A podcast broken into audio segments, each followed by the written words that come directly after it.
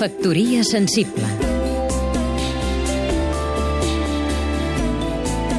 Julià de Joda, escriptor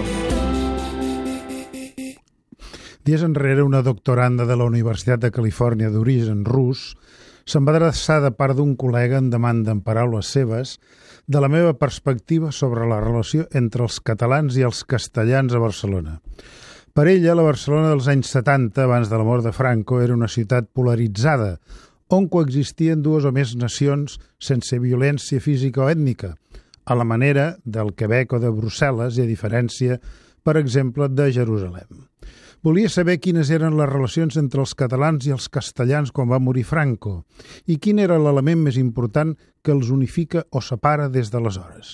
Finalment, em demanava si un moviment social per separar-se d'Espanya podia incitar a la violència o crear una tensió entre els catalans i els castellans de Barcelona.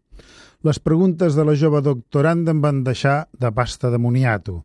Encara n'hi ha, em deia a mi mateix, que sostinguin la coexistència no pas de dues, vint o cent llengües, sinó de dues ètnies en una ciutat com Barcelona plena d'europeus, asiàtics, americans o africans.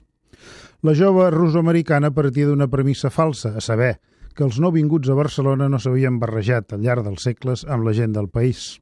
La realitat s'havia de plegar al seu concepte acadèmic de ciutat ètnicament polaritzada, com pretenen, d'altra banda, tants pescadors d'aigües revoltes.